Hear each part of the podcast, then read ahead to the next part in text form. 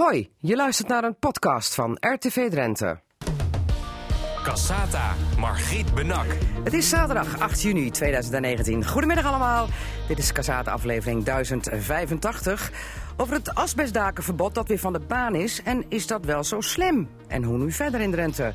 FNV-regiocoördinator Wieke Berends over het pensioenakkoord... en of dat echt nu het beste akkoord ooit is. Het Radioforum duikt in het nieuws van deze week... en speciale tafelgast is vandaag Dirk Mulder...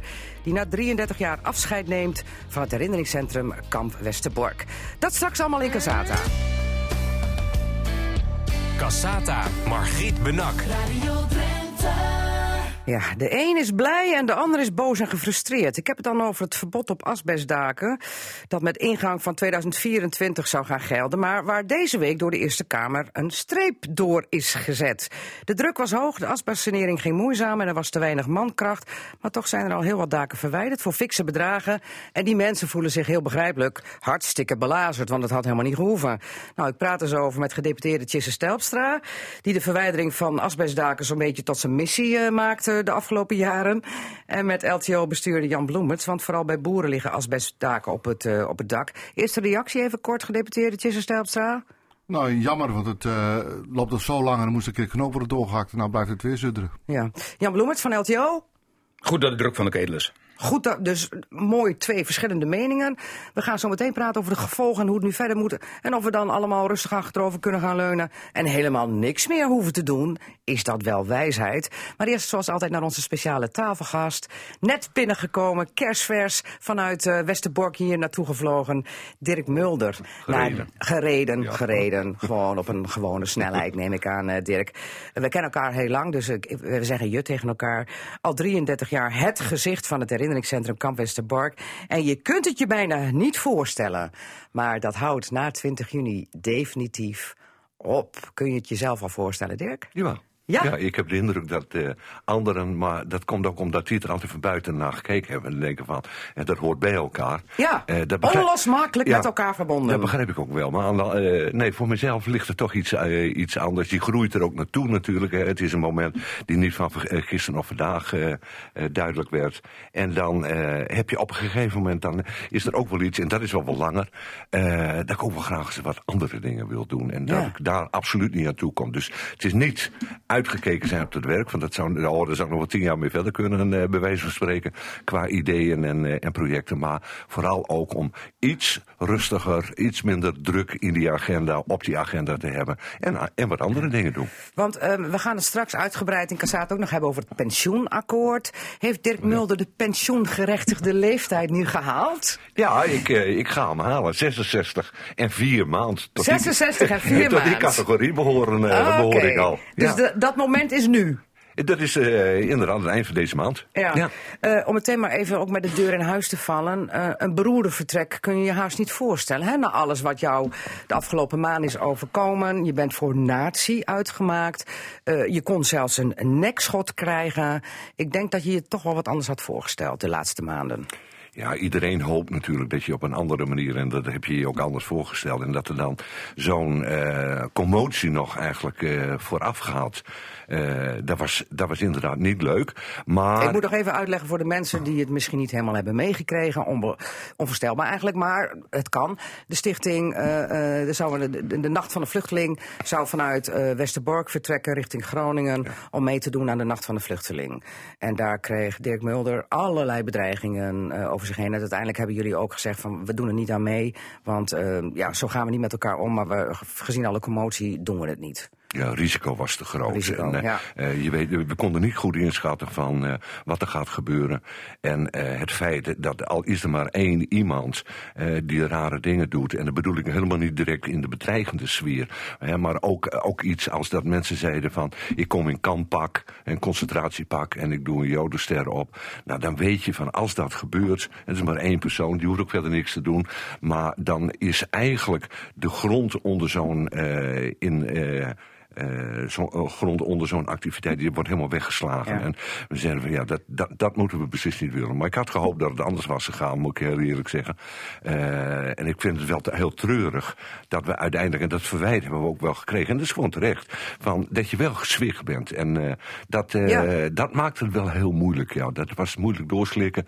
Maar goed. Persoonlijk had je het liever niet gedaan, volgens mij, dat zwichten. Nee. Jij had absoluut gezegd van ja, doorgaan. Ja, ik wilde doorgaan. Ja, Ja, maar ja. Ik, ik, ik, eh, onder, eh, ik onderkende ook wel, daar moet je ook reëel in zijn, hè, ook in samenspraak met de burgemeester en met de politie.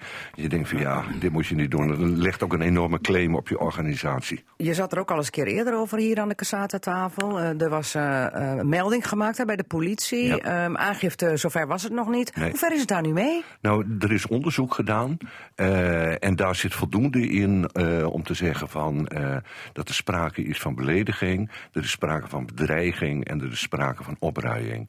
En eh, we hebben binnenkort een vergadering eh, en dan komt dit aan de orde. Ik zit een beetje in dat punt van ja, ik neem afscheid. Het is natuurlijk wel in functie, het is niet op, ja, wel op mij persoonlijk gericht, maar wel als zijnde directeur van het herinneringscentrum. Dus dat moet, moet ik even met de Raad van Toezicht overleggen. Dat we zeggen van, wat doen we nu? Want dan moet toch mijn opvolger moet het verder overnemen. Ja, maar dan gaat Dirk Mulder dan geen aangifte doen, maar het herinneringscentrum Kamp Westerbork. Ja. Want jullie Ja. overwegen dus nu, het advies is wel aangifte mijn, doen. ja. En Ja. mijn advies zal er ook zeker zijn. Want ja. die persoon zal er niet zo, of die personen zullen er niet zo makkelijk mee wegkomen. Nee, je kunt, je kunt ook nog een andere variant bedenken. Eh, dat weet ik van mijn collega van Stichting Vluchteling. Eh, dus dan doe je in eerste instantie, ja, je doet eigenlijk geen aangifte, maar je verzoekt de politie om een waarschuwing uit te delen. En op het moment dat zij weten wie achter die berichten zitten, en dat is van een aantal, is dat inmiddels bekend.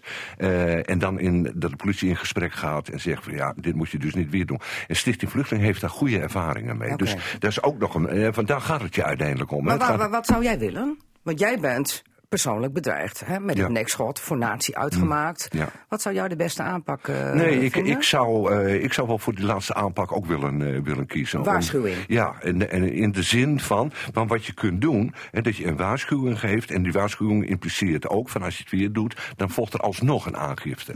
Dus dan bouw je het eigenlijk op. En dan geef je mensen ook de gelegenheid om tot één keer te komen. En in gesprek met elkaar te komen en zeggen: van, ja, dit is zoiets moeilijk, kun je niet doen. Dat moet je niet doen, dat mag je niet doen. Oké, maar grosso modo, een aangifte kan nu op Ja, ja. basis wat de politie gevonden heeft. Oké. Ehm, eh, even heel kort nog, want straks gaan we nog uitgebreid verder praten over 33 jaar Dirk Mulder bij het herinneringscentrum Kamp Westerbork. Hoe het zo gekomen is, wat er allemaal gebeurd is. En na één uur ook nog wat je nog gaat doen. Want Oh. je hebt nog wensen, hè, waar die tijd voor nodig is. Waar heb je nu het meeste voldoening over als je terugkijkt op 33 jaar? Eh, Je mag de- één ding noemen. één ding eh, noemen. De enorme aandacht die we kunnen, hebben kunnen geven aan de individuele personen. En dan zowel de overlevenden, maar ook de mensen die vermoord zijn. Dat we daar enorme eh, bestanden over hebben opgebouwd. En dat dat verwerkt wordt in educatief werk, in tentoonstellingen. eh, dat ook geleid heeft tot allerlei contacten. Dat is eigenlijk wel het meest bijzondere in dit werk. Mag ik dan zo zeggen dat jullie erin zijn geslaagd om al die mensen een gezicht te geven Ja. en het verhaal te vertellen? Ja, precies, dat is het. Oké. Eh, eh, straks over eh, al die 33 jaar. En, en hoe kwam Dickje Mulder daar binnen 33 ja, jaar klein- geleden? klein jonkje. Eh, eh, want de asbestdakenproblematiek heel wat anders. Het verbod wat er zou komen per 2024 is ineens weer van de baan. Terwijl er in Drenthe door Tjisse Stelpstra onder meer, onder zijn aanvoering, hard wordt gewerkt om eh, die asbestdaken eraf te krijgen. Er is zelfs een speciale scan gemaakt. En dan denk je Tjisse Stelpstra, want ik was helemaal verbaasd dat de Eerste Kamer zomaar ineens een streep door kon zetten. Zijn we voor de troepen uitgelopen? Zijn we te vroeg geweest? Hoe zit dat?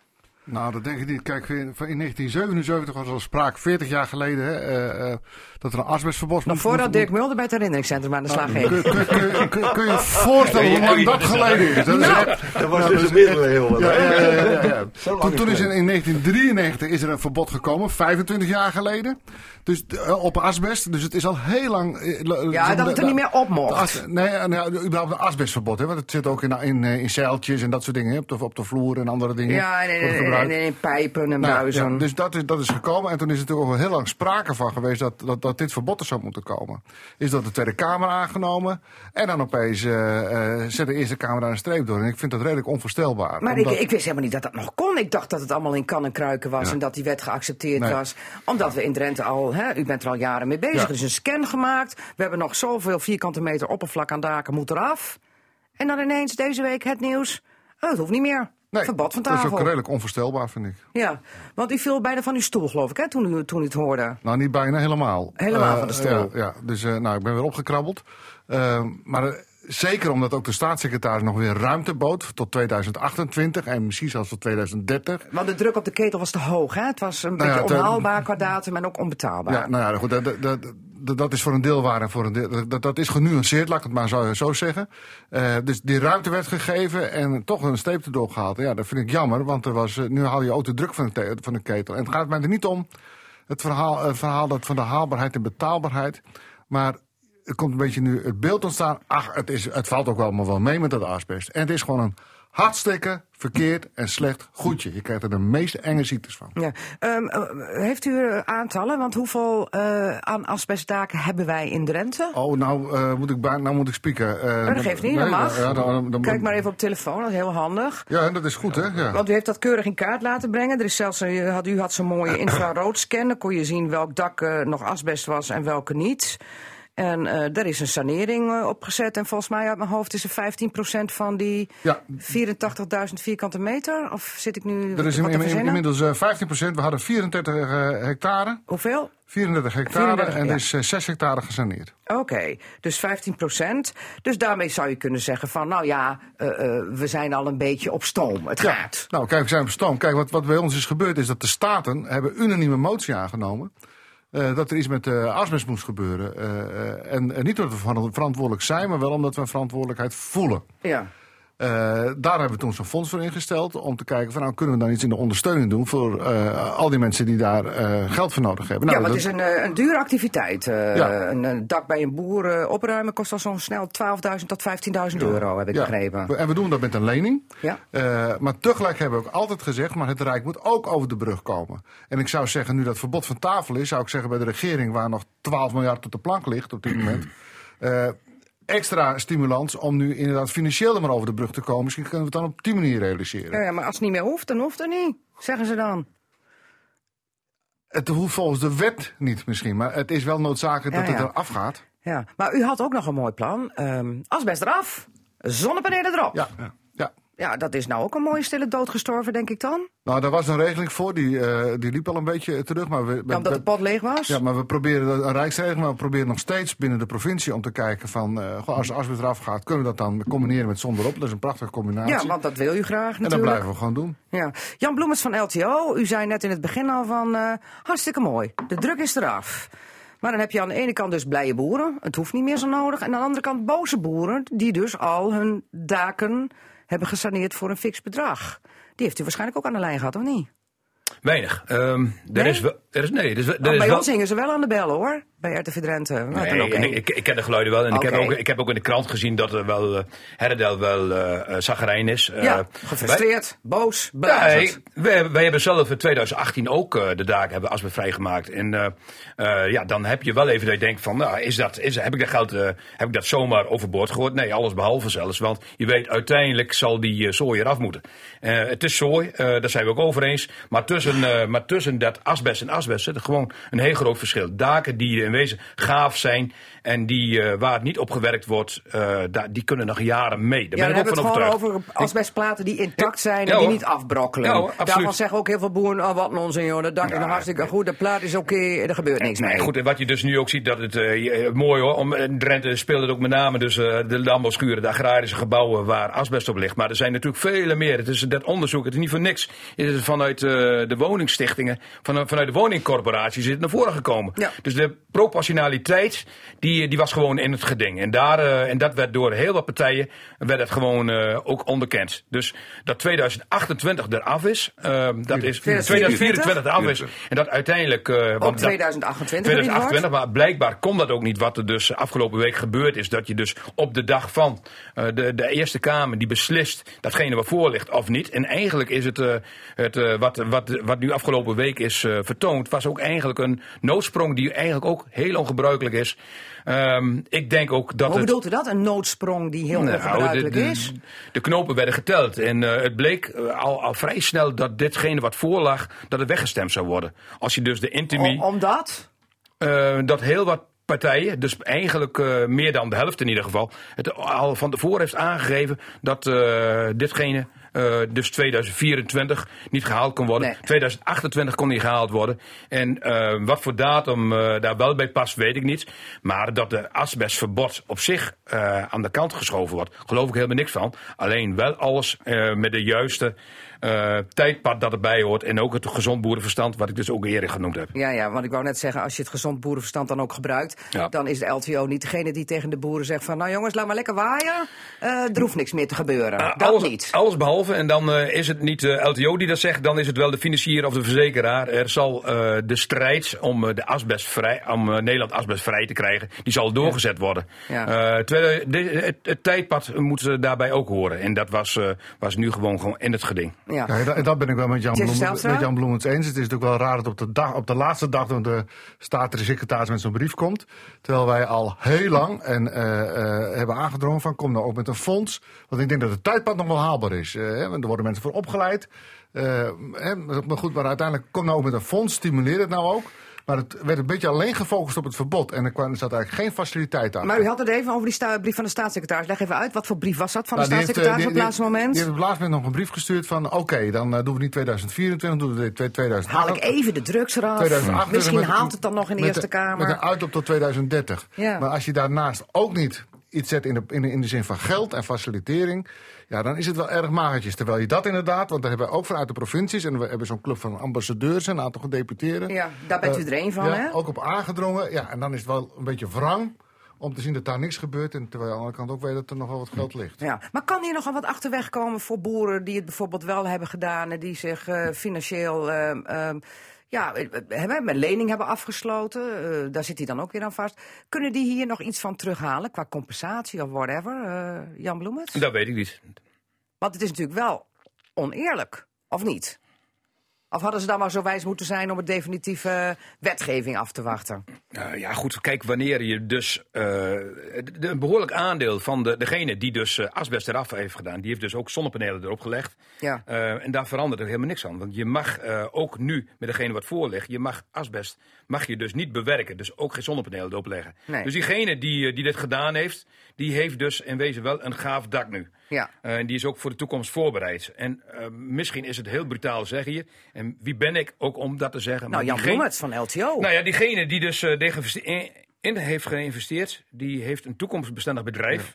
en die kan ook al die jaren vooruit, in ieder geval de 16 jaren dat hij al dan niet SDE ontvangt, uh, hoeft hij niks Subsidie, meer hè? aan te werken. SDE-subsidie. Klopt, klopt. Ja, ja, voor ja. de duurzame energie. Dus daarmee zeg je eigenlijk, het is niet voor niks geweest. Eh, je, bent op, je, je bent als boer op je toekomst voorbereid. En je hebt een verzekerbaar bedrijf en mogelijkerwijs krijg je ook een schouderklapje van de financier. Oké, en over die verzekeraar gesproken. ehm, er is nu wel een probleem. Want aan de ene kant zegt u als eh, LTO-vertegenwoordiger... Nou, hartstikke mooi, vlag uit, druk is van de ketel. Het hoeft allemaal niet meer zo nodig. Mensen kunnen ondertussen opgeleid worden... want er was ook een tekort aan asbestsaneerders... Hè, voor die dakenverwijdering. Maar er zijn wel verzekeringen die in de regeltjes hebben opgenomen... ik wil uw schuur wel verzekeren, maar daar moet er geen asbest op zitten.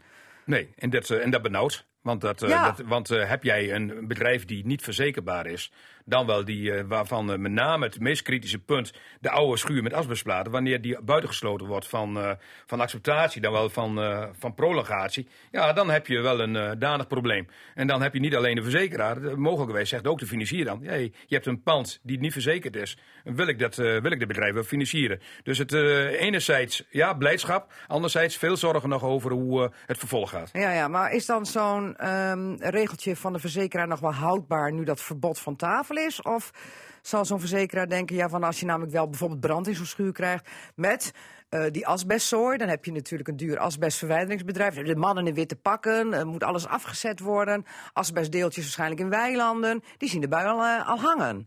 Als het er niet afgaat. Die Ja, nou ja, dat, is- dat is dus iets waar wij ook eh, de komende tijd eh, wel eh, heel erg benieuwd zijn. Hoe, dat, eh, hoe de opstelling van de verzekeraars zal zijn. Ja. Ehm, eh, u zei ook terecht trouwens van het gaat niet alleen over boeren, hè, maar boeren hebben enorme oppervlaktes natuurlijk met asbestdaken. Eh, bij particulieren zal het wat minder zijn. Maar het is gesteld, staat, er zijn ook aardig wat eh, particuliere woningeigenaren, bijvoorbeeld in Assen, die zijn jarenlang bezig geweest om gezamenlijke te gaan doen. Hè, want je kunt beter gezamenlijk als buurt zo'n asbestsaneerder eh laten komen dan dat iedereen voor zich dat laat doen.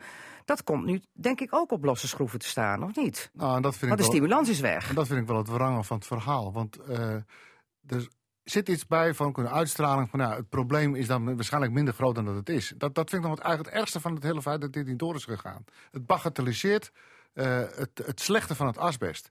En dat haalt ook de stimulans weg. Ik zie Jan Bloemens een beetje Nee. zo Nee, nou, van nou, nou, nou, Nou ja, nou, nee, als- ik- ik- ik- ik- ik- als een asbestplaat niet kapot Nee, is, dan is er ik- niks mis mee. Ik hoor Jan Bloemens daar heel genuanceerd over praten. Die zegt Ja. ook, het is, een, het, het is een verkeerd goedje. Hè, en op de duur, eh, het is ook lange termijn, dan gaat het verweren, dan gaat het, eh, eh, eh, hoe heet het, Ja, eh, brokkelen enzovoort. en dan, zijn er rapen gehaald. Natuurlijk heb je nog asbestplaat waar niks aan de gang is, maar op termijn wordt het gewoon slecht spul. En, en ik zag van de week mensen die dansen met champagne voor het journaal waren. Van nou, fijn, het is van tafel. Nou, dan denk ik van, dat, dat, dat is dus de reactie die je krijgt. En dat Ja. vind ik dus een hele wrange reactie.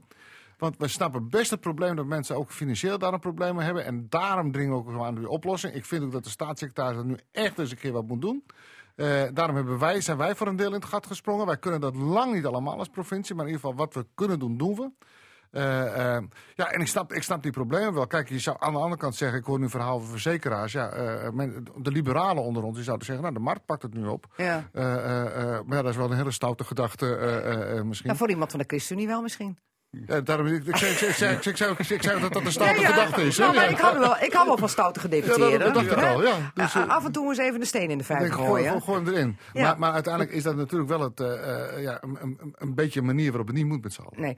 Even naar de provincie toe. Ehm, eh, wat had u de komende jaren nog in de knip om aan die asbestdakenverwijdering te doen? Als lening of als stimulering? Nou, we hadden daar een fonds voor. Hè? Er was iets rond de 4 miljoen. en, en dan kun je daar veel meer voor uitlenen. Nou, daar, daar is eh, eh, nog meer dan de helft al van over. Dus daar gaan we gewoon weer door. Dat fonds is er nog steeds. Ja, en hoe gaat u dan er toch voor zorgen dat mensen gestimuleerd worden om gebruik te maken van dat fonds en dan toch vooral nu dat asbestdak te, te laten verwijderen? Omdat er ook heel veel mensen zijn die er wel van overtuigd zijn dat het geen goed goedje is. Die ook zien dat eh, hun waarde van hun pand er niet groter op wordt als, eh laat ik maar zeggen, een understatement zeggen, als er asbest op Ja, maar ik zou ook, eh, ook al is er nu geen verbod, eh, voor de toekomst zal er altijd eentje komen. Ik zou inderdaad ook geen pand gaan kopen waar een asbestdak Nee, op zit. nee, dat doe je niet. Dus het is in, en, dat, en dat vind ik ook wel het mooie van, van het verhaal van Jan Bloemens. Die zegt, je kunt er ook zeg maar, een kwaliteitsverbetering in zien. Ja. En je kunt, er- kunt er iets in doen. Dus ik verwacht dat dat echt nog wel doorgaat. Dus het project zonnepanelen, nee, asbest eraf, zonnepanelen erop, dat blijft u ook eh, Wat vooral mij betreft stimuleren. moeten we dat heel stevig doorzetten. Ja,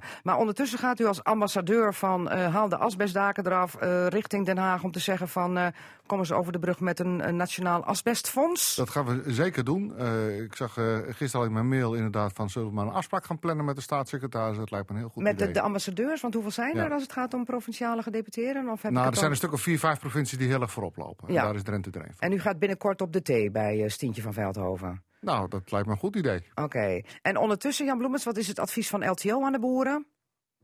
Ehm, Niks doen is geen optie. Hou in ieder geval rekenschap mee dat het eh, verbod niet van de baan is. Dat het, eh, dat, eh, ga ervoor reserveren. Zorg ervoor dat je dus bij je lange termijn dit zeker meeneemt. Ehm, ehm, en nogmaals, volgens mij staan we echt niet zo ver uit elkaar zoals hier aan deze tafel. Ehm, het, is een, het is een spul die TCT weggesaneerd moet worden. Maar wel bij de, in de, de tempo en het... laat ik het nog één keer noemen, het eh, gezond boerenverstand die daarbij nodig is. Oké, een slimme boer is op zijn toekomst voorbereid, zeg Dat is een mooie term. Mooi, mooie hè? ja. Ja, geweldig. Buitengewoon. Tjisse Stelstra, gedeputeerde van de provincie Drenthe, onder meer van Milieuzaken. En Jan Bloemers van eh, LTO Noord, moet ik dan zeggen, maar eh, de bestuurder van Drenthe. Dank u wel voor de komst en eh, succes. Want eh, dit varkentje zal toch nog, hoe dan ook, wanneer dan ook, gewassen moeten worden. Cassata.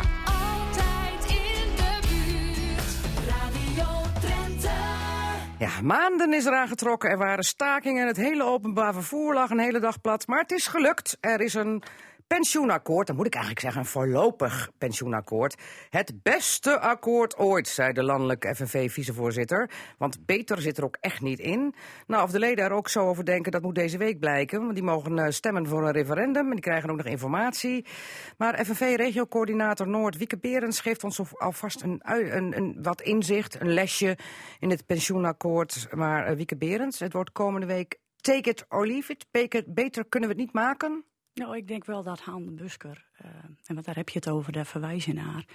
Nou, ik had eigenlijk eh, de vicevoorzitter. Oh, Tuur. Tuur, Beide ja, belangrijk, ja. Belangrijke mannen bij dit pensioen. de hoge omers. Ja, akkoord. ja, take it or leave it. Ik vind dat zelf, zou ik dat niet zo duiden. Wat ik heel belangrijk vind, en daar roepen we mensen ook toe op, laat je goed informeren. Oké. Dus zoek informatie op, kom naar de regiobijeenkomsten, we organiseren er genoeg. Acht in het noorden, drie in Drenthe.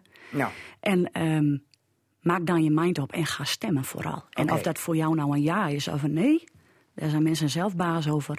Maar laat je goed informeren. Oké, Eh, gaan we zo over praten. eh, ehm, eh, wat het devies is van de FNV, hoe dat dan gaat in de regio. En wat het nu eigenlijk voorstelt, het pensioenakkoord. Want ik heb er eigenlijk nooit een seconde over nagedacht over mijn pensioen. Maar eh, ook al word ik bijna 54. En heb, maar dat komt misschien wat kleine kinderen hebt. Dan ben je er nog niet zo mee bezig. Dan voel je je toch nog altijd een beetje jong. Genoeg anders te doen. Ja, genoeg anders zo te doen. dat. Ook een leuke baan.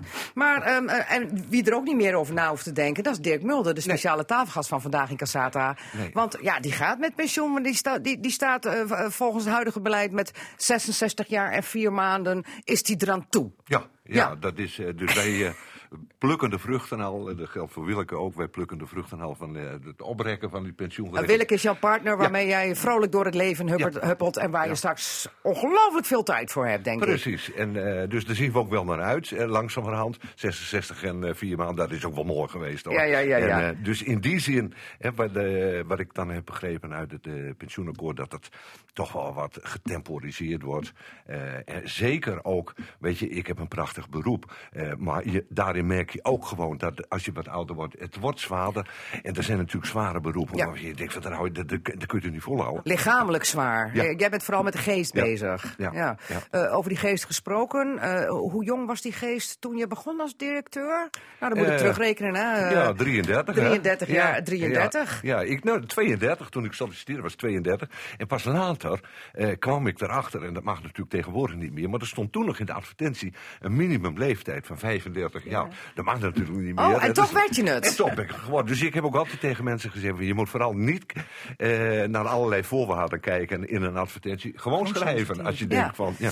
Maar eh, Dirk Mulder studeerde geschiedenis aan de Rijksuniversiteit Groningen. Ja. Ehm, waarom solliciteerde hij op de functie? Wat was de functie trouwens toen officieel eh, omschreven? Dat heette officiële educatief medewerker slash coördinator. En dat laatste, dat was een nieuwe functie. Bij het eh, bij Kamp Westerbork. Bij het herinneringscentrum. Dat was er eh, net, hè? Ja, dat was twee jaar na de opening. Toen waren er nog twee arbeidsplaatsen. Nou, er was zoveel belangstelling. Eh, er kwamen ook zoveel schoolgroepen. Dat daar toch wel iets aan gedaan moest worden. Dus toen is er een uitbreiding van de personele bezetting gekomen. En met name ook eigenlijk om het educatieve werk op te zetten. en Dus waarom dacht Dirk. Mulder, oh, dat vind ik een leuke functie.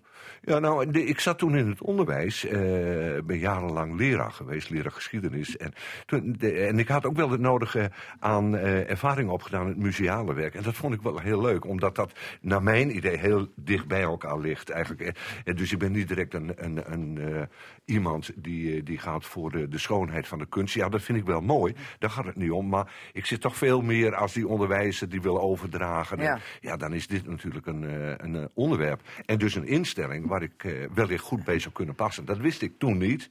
En ik had ook zoiets van, nou ja, als het niet bevalt, ga ik weer terug in het onderwijs. Ja. Nou, maar dat is dus, daar is niks van gekomen. En, maar je ging als educatief medewerker. Hoe snel kwam daar het woordje directeur voor te staan? Nou, Begin jaren negentig, dus een, eh, zeg maar na vier, vijf jaar. Dat, eh, en dat was op zich ook een Want ik, ik, ik werk sinds 1990 in Drenthe en ik weet niet beter dan dat jij directeur bent. Ja, ja, nou dat was in die periode. En eh, dat was een hele geleidelijke ontwikkeling eigenlijk. Van, toen ik er kwam, was er nog een bestuur, een dagelijks bestuur, wat echt een werkbestuur was. Dat moest ook. En het was natuurlijk de bedoeling dat zij ook langzamerhand hè, zich terugtrokken op het echt het bestuurlijke werk. En dat de uitvoering dan bij de mensen eh, van de organisatie kwamen. Dus, en de- dat was een natuurlijke ontwikkeling om daar dan ook vervolgens blijkbaar de functie directeur bij te zetten. Maar toen jij daar kwam, stond er niet meer dan een eh, iets groter hok dan een schuur, geloof ik toch? Zo uit mijn hoofd. toch? Of, of, Nou, of was zeg ik het nou oneerbiedig? Ja, het is een beetje oneerbiedig. Oh, sorry. En eh, het was wel een, een mooie architectuur. Het was een architectuur in de vorm van een barak. Ja. Nou, het had wel een redelijke oppervlakte. Maar het bleek eigenlijk in de eerste jaren direct al dat het te klein was. En met name te klein omdat er eh, geen rekening was gehouden met dat je ook schoolgroepen, dat je die dan wel graag op een bepaalde manier wilt begeleiden. En dat deden we buiten. Dus af en toe als er weer een vliegtuig overkwam, dan mochten we even stil zijn. Maar we deden het gewoon buiten. Ja, omdat hè. binnen gewoon het al snel te krap was voor Ja, een schoolgroep van 30 eh, Ja. eh, kinderen. Ja, klopt. Maar als je dan nu kijkt naar, eh, want jullie begonnen ooit met hoeveel bezoekers in de beginjaren? Nou, het eerste jaar waren, eh, waren dat er 50.000. En daar had men niet op gerekend. Men was uitgegaan van 10.000. En, eh, dus dat geeft wel een beetje aan. En dat zakte, hè, Nieuwerden, zakte het iets naar eh, in de buurt van 40.000. Maar dat was veel meer dan verwacht. En daar- anno 2019 of ja, 18, wat was het? 170.000. Moet je nagaan. Ja, ja. Ja, dat is eigenlijk het, eh, het, bijna het viervoudige. Ja, drie, viervoudig. Ja, ja. En, Ja. en eh, d- d- heb je ook gemerkt dat gewoon in die jaren dat jij er zat, ehm, het herdenken en het horen van de verhalen en ook zien wat er gebeurd is, dat dat ja, toch weer een steeds groter eh, belang krijgt. Ook omdat mensen die het hebben meegemaakt ons ontvallen? Ja, of het daarin zit, weet ik eigenlijk niet. Eh, want eh, als, als ik in die 30 jaar overliep, en ik weet nog wel dat in de beginjaren, dat mensen ook tegen me zeiden van je moet opschieten van die generatie. Eh, dus verhalen Daarom. vastleggen. En, en, maar het is nog zo, dus het is 30 jaar en we zijn nog bezig met verhalen vast te leggen. En er zijn nog altijd mensen, en dat is nog, over 10 jaar is dat ook nog het geval. Eh, of het nou daarin zit van dat er een wijziging, dat denk ik eigenlijk Nou, of niet meer de hang naar het verleden. Ik heb het idee dat er meer een hang de laatste jaren naar het verleden is gekomen. Ja, maar dan hangt dan verleden niet in de, in de betekenis van nostalgie. Want dat kan Ja, ook nee, maar dat bedoel ik- dat bedoel ik niet zo. Dan ga je naar een Orvelt eh, bijvoorbeeld. Ja, maar dat bedoel ik Maar niet. dat bedoel je niet, maar dat je in dat verleden, in, de- in dit geval de oorlog, dat we ons steeds meer bewust zijn geworden, denk ik. Dat, dat, is, dat het een eikperiode is geweest. Dat het zo diep ingrijpend is dat allerlei zaken van na 1945 eigenlijk voortkomen uit eh, of direct of indirect, maar uit het besef van dit moeten we niet weer eh, hebben. Dus dat we proberen ook met de rechtsstaat, met internationale verdragen. En daar zit het ook in, eh, dat besef. En dat zie ik wel, dat is echt sterk toegenomen. Ja. Ja. ja. We gaan eh, zometeen even verder praten over wat nou het meeste moeite heeft gekost de afgelopen 33 jaar om tot stand te brengen. Waar heb je het meest gedoe over gehad? Want het bleek altijd toch wel een beetje op eieren lopen te zijn, die functie. En waar je het meest eh, trots op bent. Maar we moeten toch ook even dat pensioenakkoord helemaal doorakkeren. Dat voor jou weer niet meer interessant, want je, Nou, wel. je hebt het al bereikt. Oh, Ja, ja, zeker. Wieke, Ja. vertel, Ja, waarom is het wel interessant voor Dirk Mulder? Nou, ik, ik- mag ik beginnen met een kort stukje hoe we er zover Ja? gekomen zijn? Ja. Ehm, november vorig jaar klapt het, eh, klapten de gesprekken. Hè? ja, met, eh, met Wouter er Koolmees. Met meneer Koolmees, inderdaad. Ehm, dat Blijft heeft ertoe- netjes, meneer Ja, Koolmees. dat blijft altijd netjes. Eh, ook al voeren we actie. Ik vind dat heel belangrijk. Ja? Respect eh, blijven houden. December 2018 eh, is er toen een brief namens de vakbonden gestuurd. Aan het kabinet en aan minister Koolmees. Daar kwam geen reactie op. Toen hebben we gezegd van nou dat betekent maar één ding. Wij gaan in gesprek met de achterban. En toen zijn we acties gaan voeren. Hè, pensioenactiecomité's door het hele land zijn daarmee begonnen. Dat zijn eigenlijk de trekkers geweest in het begin al. Dat is langzaam uitgebreid en eh, nou, volgens mij wel bekend hier ook. Ja. 18 maart, Ja. grote actie. Ja. Eh, in het noorden hadden we er twee, in Leeuwarden en in eh, Groningen. 29 maart vervolg. Vier grote landelijke bijeenkomsten. Maar die dag ervoor was er natuurlijk wat gigantisch gebeurd in het OV.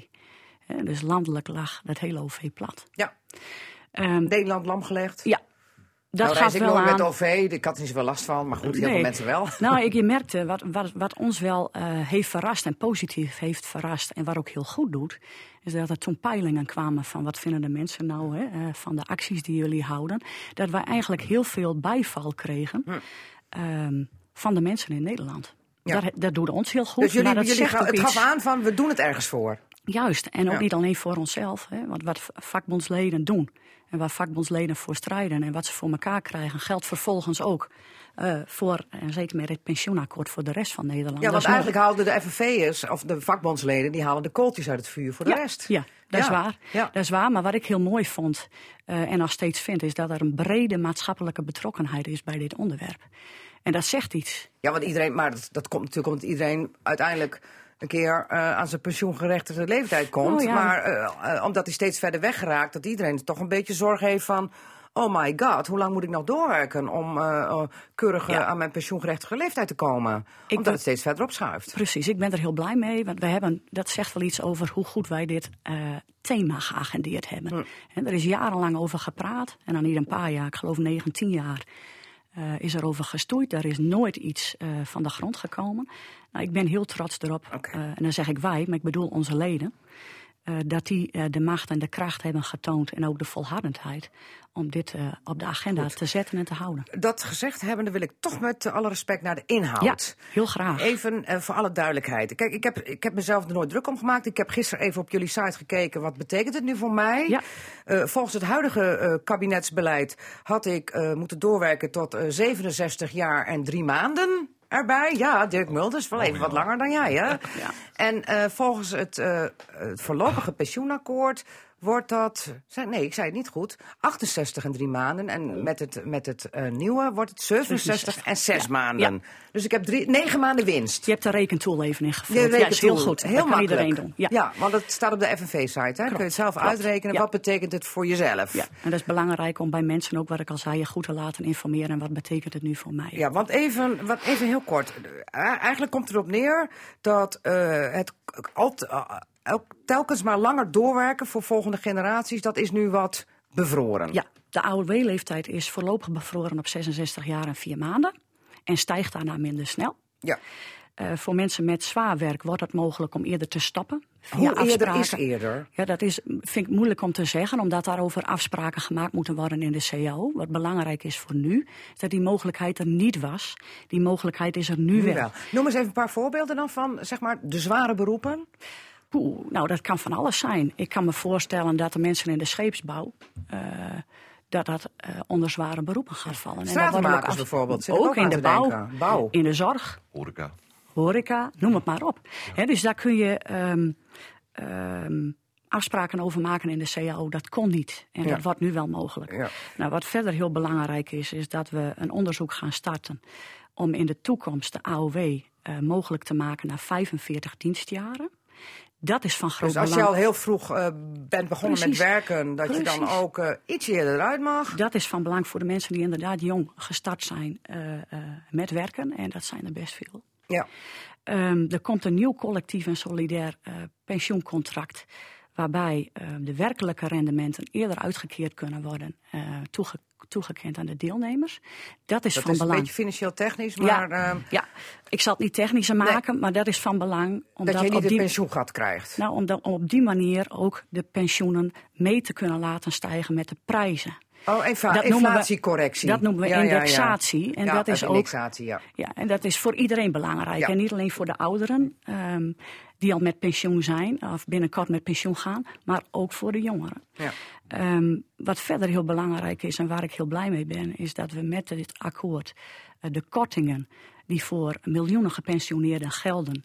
Eh, in 2020 en 2021 waarschijnlijk van de baan zijn, of in ieder geval een stuk kleiner Wat voor kortingen waren dat? kortingen op de pensioenen. Hè. Op het moment dat dit, ehm, nou dat is nog wel een belangrijke, stel nou dat dit eh, akkoord niet doorgaat. Dat onze leden zeggen van nee, wij stemmen massaal nee, dat kan. Ja. En ons ledenparlement besluit ook op 15 juni, we gaan hier niet mee akkoord. Mhm.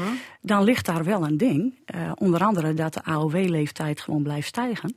Maar dat op 1 januari er ook gewoon gekort kan gaan worden.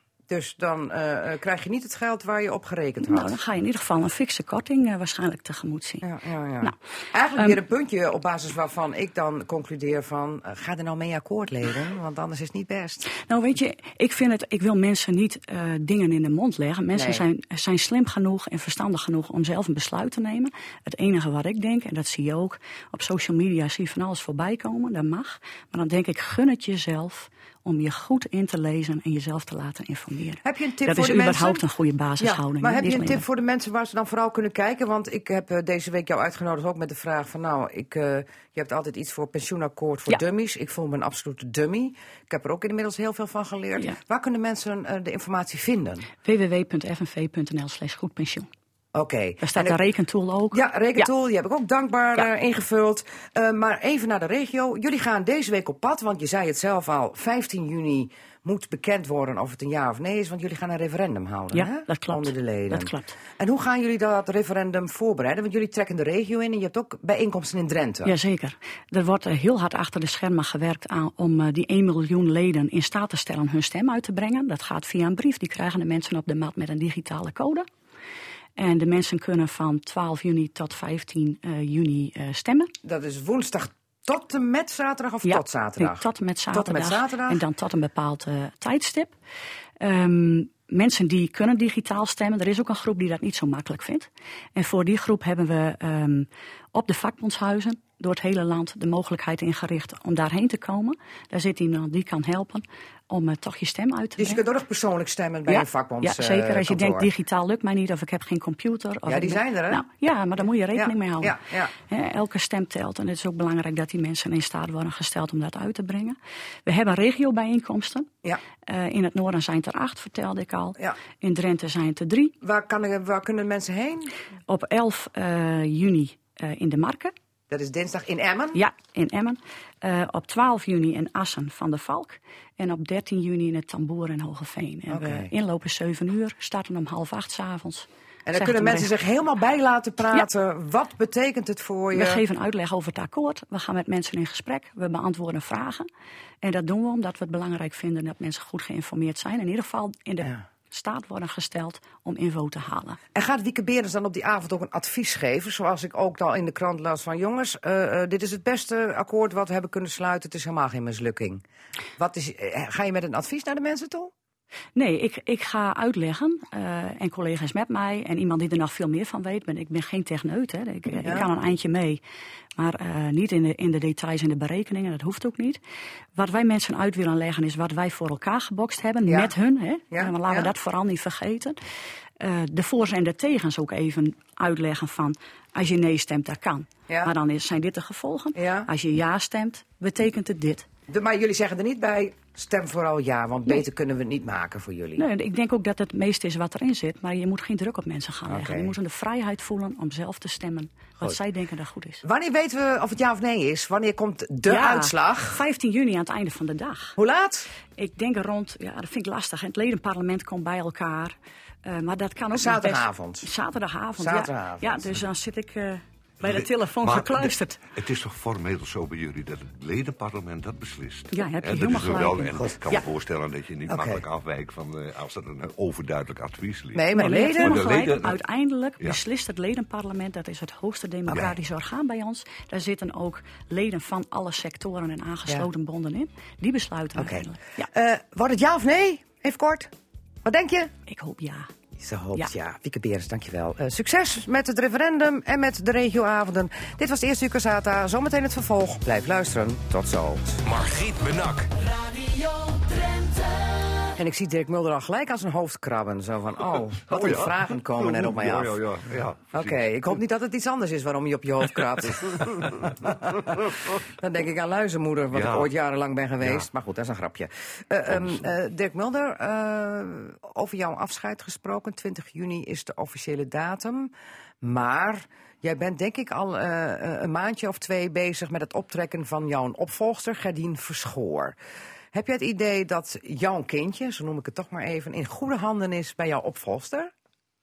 Ja, dat vertrouwen moet je, eh, moet je hebben. Want je mocht je er niet mee bemoeien, hè, met die opvolging. abso- absoluut niet. Nee, ik heb me er ook niet mee willen bemoeien. Hè, je moet niet over je graf heen willen regeren. Dus dat is helemaal buiten mij omgegaan. Er was ook een, eh, in de sollicitatiecommissie ook twee eh, van de collega's benoemd. Daar heb ik me wel hard voor gemaakt. En dat eh, moet ook, en moet vooral ook binnen die organisatie natuurlijk. En dat is, eh, is een goede, goed verwachtingspatroon. Dus daar heb ik ook wel vertrouwen in. Het voelt goed. Ja. Ja. Maar voelt het ook als het loslaten van je kindje? Nou, dat is het zeker. Eh, of mijn kindjes weten, nee, dat, zo, zo sterk wil ik dat niet noemen. Maar het is wel het loslaten. Alleen, dat is ook al langer gaande natuurlijk. Dat je op een gegeven moment, van ik heb wel eens een paar jaar terug ge- eh, gezegd van, oh, ik wil nog wel een tijdje doorgaan. Eh, als anderen dat ook zouden willen. Maar daar ben ik toch van teruggekomen. En op een gegeven moment ook gezegd van, nee, het, het is goed. Na 66 en eh, bijna een half jaar, dan is het ook goed. eh, juist ook om andere dingen te doen. Dus met andere woorden, wat ik wil zeggen is van, daar ben je ook al een paar jaar eigenlijk mee bezig. Dus je groeit er ook naartoe. Ja, oké. Maar wat, wat eh, bracht jou ertoe eh, om dan toch terug te komen op je beslissing dat je nog wel heel lang door kon om dan toch te gaan stoppen? Nou, dat heeft met een Is aantal... dat een bepaalde gebeurtenis? Nee, dat had met een aantal dingen te maken. Eh, onder meer ook binnen de organisatie mensen weggingen die eh, belangrijke steunpilaren waren. Gewoon omdat ze een nieuwe stap in hun eh, loopbaan namen. En dat je dan vervolgens weer, moet je weer opnieuw op zoek naar iemand gaan. Moet je weer in investeren. Heel, hè, als het belangrijke functies zijn. Eh, en dat speelde, eh, dat was toen een paar keer gaande. Maar het belangrijkste is eigenlijk geweest dat met name in 2017 we eh, heel veel overlijdens hebben gehad eh, van mensen eh, van onze eigen leeftijd en ook van oud-collega's eh, waar we nog altijd contacten mee hadden omdat ze in hun nieuwe banen veel ook met ons samenwerkten. Die rond de 50 waren, waren er twee. En dat zijn er eigenlijk wel ook momenten geweest van ja, het, is, daar mogen we niet langer zo door blijven gaan. Het is, als we wat willen, als ik wat wil, dan is het ook goed. Als ik wat andere dingen graag wil. En dat heb ik altijd wel gehad. En vooral ook, ook schrijven. Maar de, de laatste tien jaar gewoon helemaal niet meer naartoe gekomen. Lukte niet meer. En daar had ik wel weer zin in. Die drang begon ook. Dus dan komen dingen samen. Oké, Eh, over dat schrijven gaan we het zo hebben, maar eh, je had het idee van ik ga maar hier niet doodwerken, zeg maar, tot ik hier op zes plankjes eruit ga. Nee, dat, het lijkt Dat me was- nooit verstandig nee, nee, om, nou om, ja. om, om dat te doen. En goed, je hebt er niet altijd voor te zeggen, maar Nee, je had het idee van er is meer in het leven Ja. dan mijn werk. Ja, absoluut. Willeke Welke, en schrijven. ja. Het En- boek schrijven. Ja, maar ook, daar, ook in de tuin aan het werken. Oké, dingen, ja. Eh, daar komen we straks even terug. Even nog niet naar die 33 jaar. Wat, wat is nou iets waarvan je denkt van... dat heb ik met de meest mogelijke moeite tot stand weten te brengen. Maar ik ben blij dat het gelukt is. Dat is een. eh, dat is een lastige vraag, moet ik je heel eerlijk zeggen. Daar heb ik, heb ik zo 1, 2, 3 geen antwoorden op. Eh, Of was alles lastig? nee, gelukkig niet. nee, nee. Anders, als dat het geval was, had ik het nooit zo lang volgehouden. Eh, kijk, wat wel een constante is, en eh, toen ik benoemd werd, toen zei de secretaris van het bestuur, die zei tegen mij een hele, hele eh, goede man, die zei van Dirk, weet je, het is altijd op eieren lopen in dit werk. En daar had ik wel enig, ik was nog een snotneus van drie- eh, 32 jaar, 33, en had ik wel enig idee maar wat dat precies betekende, wist ik niet. En als ik er nou op terugkijk, dan zeg ik inderdaad, ja, dat is het eigenlijk. Dat maakt het ook bijzonder, dat werk, heel bijzonder, maar het is tegelijkertijd wel, kan het ook heel belastend zijn. Maar leg dat even uit. Wat is dat dan, dat, dat op eieren lopen? Eh, eh, heeft dat te maken met mensen, met gevoelens, met emotie? Ja, ja, daar heeft het vooral mee te maken. Niet alleen, maar eh, daar vooral mee dat je toch met een eh, onderwerp te maken hebt waar heel veel gevoelens en emoties mee verbonden zijn. En dat je dus heel snel eh, die gevoelens of die emoties eigenlijk kunt raken. Ja. Eh, dat Want ligt nog heel dicht aan de oppervlakte bij mensen. hè? zo dicht de holocaust. Ja. de vernietiging Ja, en van dat geldt niet alleen voor mensen die het hebben meegemaakt, maar de- we zien dat ook in de tweede en derde generatie, zie je dat ook alweer terug. En eh, dat weten, en daarom is het dat je weet van, je probeert eigenlijk iedereen mee te krijgen, maar je weet tegelijkertijd dat je dat niet altijd lukt. En dat je ook Tenminste, dat is mijn opvatting altijd geweest. Dat ik wel vond dat het herinneringscentrum ook eerder een voorloper dan een volger zou moeten zijn. Daar zit de, de know-how en de ervaring om te zeggen. En eh, ook de kennis van: hé hey jongens, dit is gaande. Moeten wij daar niet op anticiperen? Dus, en, en, dus als je een stap vooruit maakt, ja, niet iedereen eh, kan dat volgen. En eh, we hebben het in, in 2008 gehad. Toen de tentoonstelling over eh, het interneringskamp. Dus de periode na de oorlog. Dat het kamp gebruikt werd om NSB'ers en eh, SS'ers eh, eh, gevangen te houden. Nou, en de- daar hebben we ook eh, heel Ja. veel over ons heen gekregen. Zo van, prima dat je daar een tentoonstelling aan wijdt, maar niet in het herinneringscentrum. Nee. En daarvan hebben wij gezegd van ja... Omdat dan de daders ineens een plek krijgen Ja. die eigenlijk aan de basis stonden van de vernietiging van de Joden. Ja, ja, Ja. zo wordt het dan heel snel Ja. gemaakt. Terwijl wij zeggen van als je iets wilt begrijpen van eh, de jodenvervolging, dan moet je je eigenlijk in eerste instantie richten op de daders. En ik wil Ja. de NSB is geen Hoe daders. kwamen zij ertoe? Waarom deden zij dit? Ja, waarom doen ze dit? En dat is soms een stap te ver. Als je zelf getraumatiseerd bent. Uh, als je kijkt wat misschien ook een stap te ver was, uh, uh, is dat er eh, eerst helemaal niks was. En toen kwam er uiteindelijk dankzij Manja Pach, die daar ooit eens kwam en dacht van. Wat zijn ze hier aan het doen? Waren ze barak aan het afbreken? Eh, eh, er was helemaal geen herdenking, er was niks. Het herinneringscentrum Kamp Westerbork heeft eh, daar haar bestaan aan te danken. Kampterrein was eigenlijk ook niks. Nou, dan heb Maar- je de gebogen rails of het Nationaal Monument, hè, dat is er gekomen. Verder was er niks. En daarna kwamen er contouren op het kampterrein, waar barakken ooit hadden gestaan. Toen kwam er voorzichtig een barak, of zeg maar palen, tekenen. En nu staat er een barak. En nu staat er een treinwagon. En denken mensen soms wel eens van... eh, ho, wacht eens even. Is dit niet even een brug te ver? Het moet geen kermis worden. Ja. Want daar heb je ook veel tegenstand in gehad. Ja, en dat is een constante. Ik eh, las deze week las ik nog het hoofdredactioneel commentaar van het eh, Nieuw Israëlitisch Weekblad. Kritisch volger van jou? Kritisch volger, eh, maar altijd al een kritisch volger van, eh, van Kamp Westerbork. Toen wij in eh, 1990, dus dat is een heel tijd terug, de plannen presenteren voor wat jij nu net noemt, die contouren, de 100 en 2000 steentjes. Oh ja, dat heb ik nog niet eens hoorden- gezegd. Het, het ja. ereveld, zeg Hè, maar. Die hoorden daar ook bij. En dat toen de hoofdredacteur Mauko Puit, notabene, die zat dus in een van de besturen bij, bij ons, die daar een vernietigend commentaar schreef over wat die eh, mensen daar in Westerbork wel van plan waren. En dat was een, eh, hij noemde dat een Zaanse schans van de vernietiging. En dat was echt een barak te ver.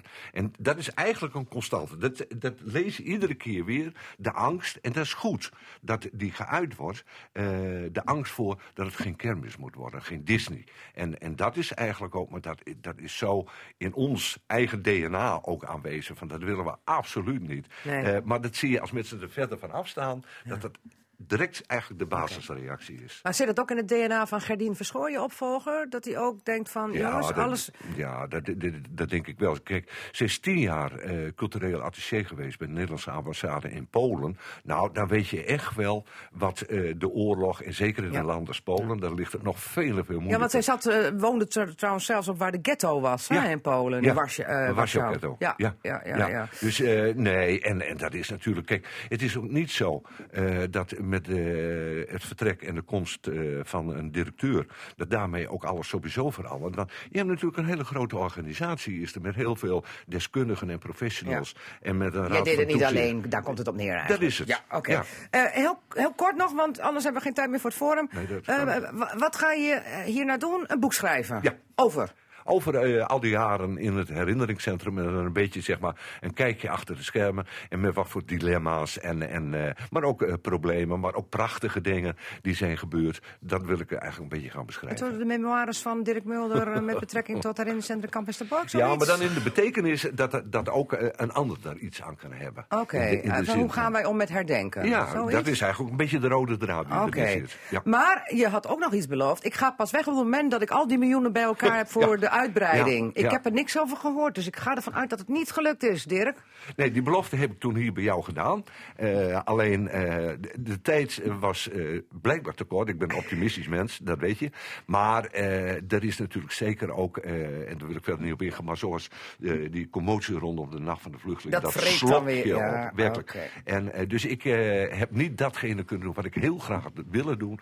Maar eh, op een gegeven moment, eh, we waren daarmee bezig. Gerdien, mijn opvolger, was ook aanwezig. En zei van, ja, maar je, je gaat dat dan niet allemaal nog doen. Want dat vind ik ook leuk. Ja. Dus ik zei, nou, dat lukt me allemaal niet meer. Dus dan kun jij maar doen. Dat mag zij aftikken. Ja. Eh, tot slot, jij neemt 20 juni afscheid in de Nieuwe Kolk met een, een, een grote happening. Of nou ja, nou, mensen die jou allemaal dierbaar zijn, bekenden, mensen uit de werkrelatie komen daar.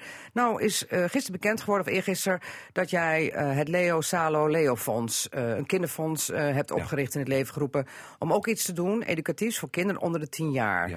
Ehm, eh, is het een heel mooi idee om dan als mensen jou een cadeau willen geven, om daar een storting op te doen? ja, dat op is dat ook fonds? mijn verzoek. Eh, eh, ik heb aangegeven... Niet allemaal van- flessen wijn en, en Nee, sigaren en check. Ja, dat is allemaal, dat, dat, wordt in, in dank aanvaard. Maar ik dacht van ja, dat kan ik allemaal zelf ook wel kopen. Ja. En Goed. ik ben een rijk mens. In, in meerdere opzichten voel ik dat zo. Ja. En dus ik vraag de mensen die komen om een storting te doen in dat fonds.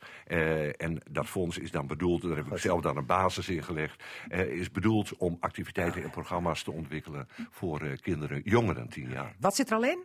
Hoeveel? 7500 euro. Oké, nou dat is toch een hele mooie Ja, basis om vanuit te gaan. Ja. Goed, eh, ik wens jou veel plezier de 20ste eh, bij je afscheid. Want het is nu de hoogste tijd voor wat anders. Cassata, het radioforum. Nou, en eh, de forumleden die naast Dirk Mulder zitten, dat zijn... Eh, Jacob Ruijtjes, voorzitter van de Partij van de Arbeid geweest Drenthe. En ik ben vanuit Borger hier eh dwars door Rolde naartoe gekomen. Ja, want je was iets later. eh geeft allemaal niks. En toen zei ik tegen jou van zeker de afsluiting van de N33 vergeten. Ja, dat Ja. klopt. Ja. vergeet ik wel eens.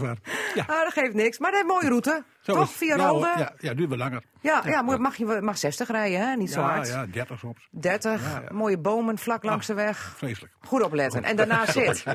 Erik Sings, lid van de VVD-fractie in de Tweede Kamer, woonachtig te Assen. We gaan er even een grapje van maken, met eh, alle respect. Wat hoort er in het rijtje niet thuis? Asbestverbod, motorclubverbod, rookverbod of Annie Broekers knolverbod? Erik Sings. Nou, volgens mij is asbest een verboden stof, dus die, eh, die hoort er dan tussen. Dat is heel logisch, dat is al jaren zo, vanaf 1993, mag het niet meer gebruikt worden. Maar het asbestdaken, asbestdakenverbod is nu door de Eerste Kamer met Ja, maar, dat is, ja, maar dat is wat anders. Dat, dat- ja, ehm, Ja? Dan het tweede, het rookverbod. Volgens mij is dat een product wat gewoon normaal gekocht kan worden, legaal. Dus ja, dan, dan hoort geen verbod bij, dat is raar. Eh, de derde was... eh, Motorclubverbod. Motorclubverbod. Ja, kijk, als je praat over motorclub... eh, clubs in het algemeen, geen enkel punt. Maar daar waar je constateert dat het neigt tot, tot criminaliteit, ja, zul je toch als rechtbank een, een besluit moeten nemen. En die laatste, dat, je schrijft daar Annie Broekers-Knol, maar het is Ankie. Maar Oh, dat sorry. geeft niks. Ja, Ankie. nee, maar Ja, nee, zo- Ankie. Zo, zo straks riep je het ook al, maar ik denk, dat- dus die hoort er sowieso dan niet tussen. Want eh, A, de naam is niet goed eh, gespeld. En B, eh, bedankt, ik denk dat wij Ankie in ieder geval ook niet verboden hebben, op wat voor manier dan ook. Nee, die hoort er dus. Maar welke van de vier moet eruit? Ja, Ankie. Ankie, die, die, Ankie. Hoort, die hoort niet bij een verbod. En Nee. even voor de mensen die denken van wie is dat? Nou, dat was de Eerste Kamervoorzitter, lid van de VVD, partijgenoot van Erik Sings. En die is 72 jaar en die werd ineens, eh ja, grinnik Dirk Mulder, staatssecretaris van Justitie en dan over het asielbeleid. ja. Ja, maar, Ja. eh, maar wat denk jij daarvan, Jacob? 72 staatssecretaris worden? Ja, dat, dat, eh, eh, ik denk van nou, ze is jonger dan Donald Trump en verstandiger. Ja? Dus eh, denk ik van nou, Het kan. dan, Dat ik al dan- snel. dan ben je, ja, precies. Dus, eh, dus, en eh, ik denk niet dat leeftijd een blokkade hoeft te zijn om welke functie ook te vervullen. Eh moet wel even eh, kijken of je, eh, laat ik zeggen, ook jonger bent dan je leeftijd. En bij Ankie Broekers-Knol heb ik dat idee heel duidelijk voor mij. Die dame nog vol energie. Dus, Ik zag en- haar deze week op televisie in ieder geval uitgebreid zingen. ja, ja, maar en- aardig is denk ik dat, dat die mevrouw in ieder geval niet daar hoeft te zitten voor een politieke carrière. En dat ze daarmee ook in een bepaalde mate van onafhankelijkheid haar werk kan doen. En eh, het is een lastige klus. Dus ik eh, nou, vind ik wel dapper dat ze dat doet. Oké, ja, maar ik had, ik had wel zoiets van, nou, de Eerste Kamervoorzitter mocht ze niet meer zijn. Wat zullen we nu weer voor klusje naar haar toeschuiven? Oh, staatssecretaris is, er nog. Dat is flauwekul. natuurlijk, dat is Dat is natuurlijk, Nee? dat is Nee, natuurlijk nee, een flauwekul nee. redenering. Kijk, zij Oh, heeft eh, in haar functie had ze daar natuurlijk langer eh, daar, daar willen zitten. Willen maar zitten, daarom. is daardoor anderen ook van gezegd, nou ja, wellicht dat je daar eens een keer wat vernieuwing moet aanbrengen. Ja, dit is daar wel hele- vernieuwing. Jawel, terwijl het bij dat- de Senaat hoort dan- dat daar een oude dame Ja, nee, voorzitter maar dit, is. Dit gaat over een bepaalde functie. Je hebt hier te maken met een hele sterke vrouw met een enorme hoeveelheid kennis, ervaring, et cetera. Ik, ik vind het fantastisch dat ze Oké, daar en wat vind jij ervan, Dirk? Ja, ik denk dat het een goede keuze is. eh, in de zin van, dat ben ik met Jacob eens. eh, ze zit nog vol energie. En, Ja. en dan draait het om. De leeftijd is, is niet van belang. En ik denk dat het juist op zo'n eh, ongelooflijk lastige post... dat het goed is dat je er iemand hebt die, die eigenlijk, als ik het zo mag noemen... dan bedoel ik absoluut niet negatief... maar aan het eind van de politieke carrière zit. En, eh, Ja, maar dus- daarom juist aan het eind van... je- daarom juist veel vrijer kan, Oké. vrijer kan En ze wordt de nestor van dit kabinet. Ook dat nog. Denk ik. Ja. Een wijze oude dame vol energie. Goed, nou, my case als vrouw dan. Eh, prima, Ja, vrouw ja. in het kabinet. Ehm, ehm, we gaan even door met het rijtje hoor. Uh, Ankie hebben we al weggestreept. Wat moet er nou nog meer weg wat jou betreft, Jacob? Asbestverbod, motorclubverbod of rookverbod? Welke hoort er niet in thuis? Ah, ik, even, even dat punt van het asbestverbod. ik, ik heb als wethouder in het verleden wel vaak te maken gehad met ergens een plantenbak die omviel. Waarbij dan de maamannetjes kwamen in van die witte pakken. Alleen En, al bij een plantenbak? Ja, zeker. Dat, eh, bij een school, hele schoolplein afgezet. heel veel gedoe. Eh, en eh, dat gedoe, eh, daarvan kun je zo langzamerhand constateren dat dat misschien wel wat doorgeschoten is. Dat wil niet zeggen dat je niks aan asbest zou moeten doen. En dat is volgens mij ook niet de betekenis van de uitspraak van de Eerste Kamer. Eh, daar is de uitspraak van, nou jongens, gaat dit niet een, een tikkeltje te hard en Ja. te, te duur en ga nog eens even Maar rustig kijken. opschuiven wat- wilden ze ook niet. Het is gewoon Nee, helemaal maar van de daar gaat de Eerste Kamer eigenlijk vind ik ook niet over. Dat, dat, dat is, Oké. dat- dus ik vind dat, dat nog eens even goed gekeken moet worden van hoe ga je daar nou mee om? En daar even, even tijd voor. Nou, eh, dat lijkt mij prima. Ja, Erik, Ja. is dat zo? Ja, ik ben eh, woordvoerder Wat op dat dossier. Dus ik heb eh, de hele geschiedenis meegemaakt. Al in 93 kwam er een asbestverbod in Ja. algemene zin om te verwerken. Vervolgens is er tien jaar geleden door Joop Atsma destijds een brief gestuurd naar de Kamer... dat het ook verboden zou gaan worden op daken. En dus Mhm. dat daarmee het in ieder geval ook verwijderd diende te worden. Vervolgens is er door de staatssecretaris, dacht ik ook van de PvdA destijds... ik dacht dat het Mansveld was, ook aangegeven van... houd er rekening mee, die daken motordrev. Ja. En staatssecretaris Sientje van Veldhoven is met een wetsvoorstel gekomen.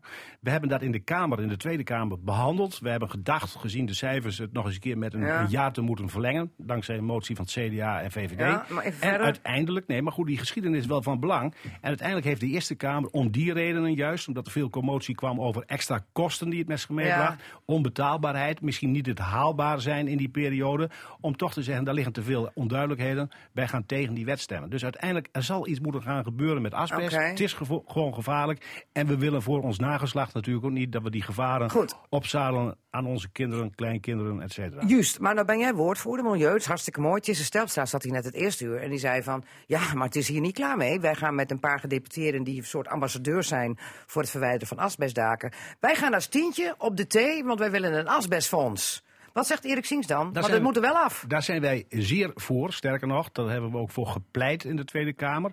Daar waren ook al middelen destijds voor beschikbaar gesteld. Daar werden ook middelen voor toegezegd. En dat zal ook de lijn zijn voor de komende jaren. Om te kijken hoe kun je nou met elkaar toch tot een oplossing komen. om dat asbest van die daken af te Maar ben je niet bang dat mensen nu toch achterover gaan leunen, want dan moeten ze investeren? Er zijn nu al een paar boze mensen die zeggen: Ik heb er 14.000, 12.000 in geïnvesteerd. Dat hoeft eigenlijk helemaal niet. Ben je niet bang dat het nu allemaal op zijn beloop wordt gelaten? Dat zal niet gebeuren, want je wordt toch ingehaald door de verzekeraars. Kijk, een verzekeraar, als die geconfronteerd wordt Ja. met een boerderij waar het dak van mee verbrand is, dan moet de hele, de hele omgeving opgeruimd worden. Die verzekeraars die zeggen, ja, dat risico, dat willen we wel verzekeren. Voor de verzekeraars die dat nog willen. Maar uw premie, premie gaat naar Fernando Moot. Dus Ja. ik denk dat de mensen straks wel heel erg graag Ja. dat dak gaan eh, vervangen. Ja. Dirk Mulder, heb jij nog een in Westerbork op je huis nog wat asbest ergens of niet? Als je directeur bent eh, van het herinneringscentrum, eh, word je werkelijk overal mee geconfronteerd. Ook met asbest. Ook bij jullie? Ja, eh, de- eh, want als je een oude barak eh, hebt gevonden, hè, die van oorsprong uit Oh ja, komt, dan eh, zitten daar asbestdaken op. En we hebben dat toen gehad in Veendam. Dat is, eh, die, eigenlijk stond die helemaal klaar om te, gedemonteerd te worden door ons. Toen is hij in de brand gestoken door een pyromaan. En eh, nou ja, dat was natuurlijk ook prijs met de mannetjes met de witte pakken. Ja. En we hebben het nu nog met een, eh, een barak, die, een eh, Joodse werkkampbarak, die naar de Beetse in, eh, in Sellingen moet. En eh, waar we deze ellende ook hebben gehad. En eh, dan weet je ook van dat het om A, om ongelooflijk hoge kosten Ja. gaat die je moet maken. En, en dat ben ik volledig met Jacob eens, dat ik, als ik dat zie, dat ik denk van jongen, Hm. we zijn volledig doorgeschoten. Hoe dat dan vervolgens moet worden aangepakt. En dat maakt ook dat het zo ongelooflijk duur is. Dus ietsje eh, meer met minder. gezond verstand, of gezond boerenverstand, zo Ja, maar, ja, ja. eh, daarmee om te gaan, dat lijkt me heel goed. Over doorgeschoten gesproken. Eh, we moeten nog even twee snel onderwerpen aftikken. Het rookverbod. En dat stel ik aan de orde omdat Dirk Mulder ook zo'n tevreden roker is en beslist geen onruststoker. Ik steek ook regelmatig eens een sigaretje Ja. op. Ehm, eh, steeds meer, hè? Eh, de voetbalstadions mag het Ja. niet meer. Eh, de amateurvoetbalclubs eh, willen helemaal rookvrij. Eh, ik, nou ja, de scholen zijn rookvrij. Terecht, denk ik dan.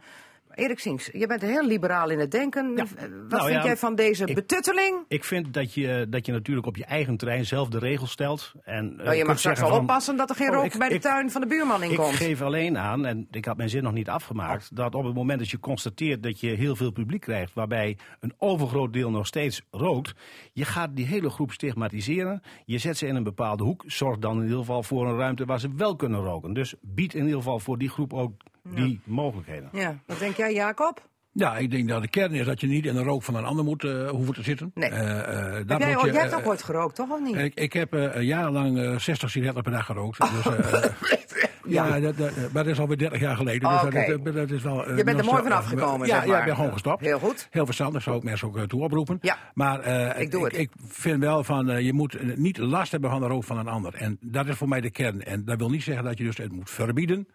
Maar je moet het organiseren, wellicht met rookruimte, zoals eh, Erik zegt. Ja. Kijk, kijk er gewoon, eh, ook net als met de asbest, je moet een beetje verstandig naar kijken. Ja. Maar de kern is, je moet er geen last van hebben. En zelfs, Dick Mulder, op festivalterreinen waar jij volgende week heen gaat, het Ja. Holland International Blues Festival, mag er niet in de tent gerookt worden, Nee. wel daarbuiten. Ja, Hou jij je daar braaf aan? Eh, ja.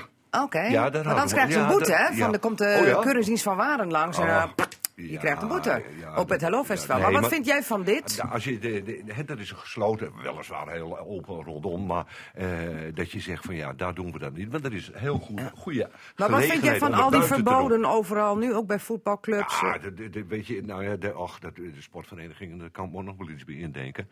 Eh, maar hè, vandaan zit het meer in een, in een opvoedkundig element. Van. Omdat daar ook kinderen komen. En dat je zegt van ja, daar denk ik van nou, of we kinderen gaan roken omdat ze zien dat ik rook, dat vraag ik me ook af. Maar het is. eh, het is juist een afschrikwekkend voorbeeld. ja, dat denk ik me ook. Dat kan ook wel ja, wel. Ja, en dan is het het criterium wat, eh, wat Jacob noemt. Van, eh, een ander moet geen hinder Nee. hebben van, eh van Nee, mijn dus stop al die rokers maar bij elkaar in een hok. Maar ook, ook dat gaan bedrijven Ja, eh, dat- afschaffen. dat- want die vinden ook niet efficiënt. Hè? Als je staat te roken, werk je niet. Nee.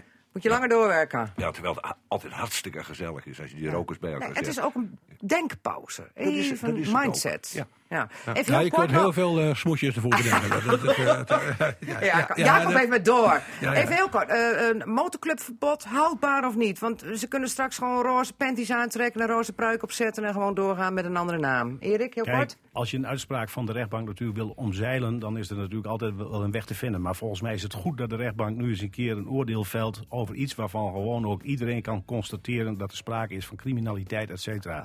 Dat is de basis in ieder geval om te kijken hoe ga je er in de toekomst mee om.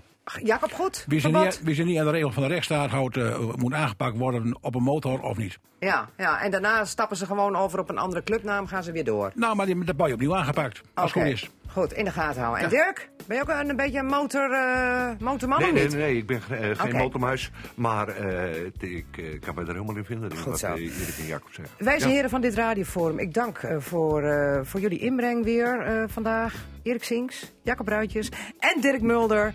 Leuk dat je er was. Veel plezier bij je afscheid. Ga vooral genieten, want het is al donker genoeg geweest deze laatste maanden. En een prachtig cadeau namens Casata. Een badje van RTV Drenthe. Veel plezier. En volgende week zijn we er weer met Casata. Tot dan! Je luisterde naar Casata. Dat is te beluisteren als radioprogramma op zaterdagmiddag, maar sinds kort ook als podcast.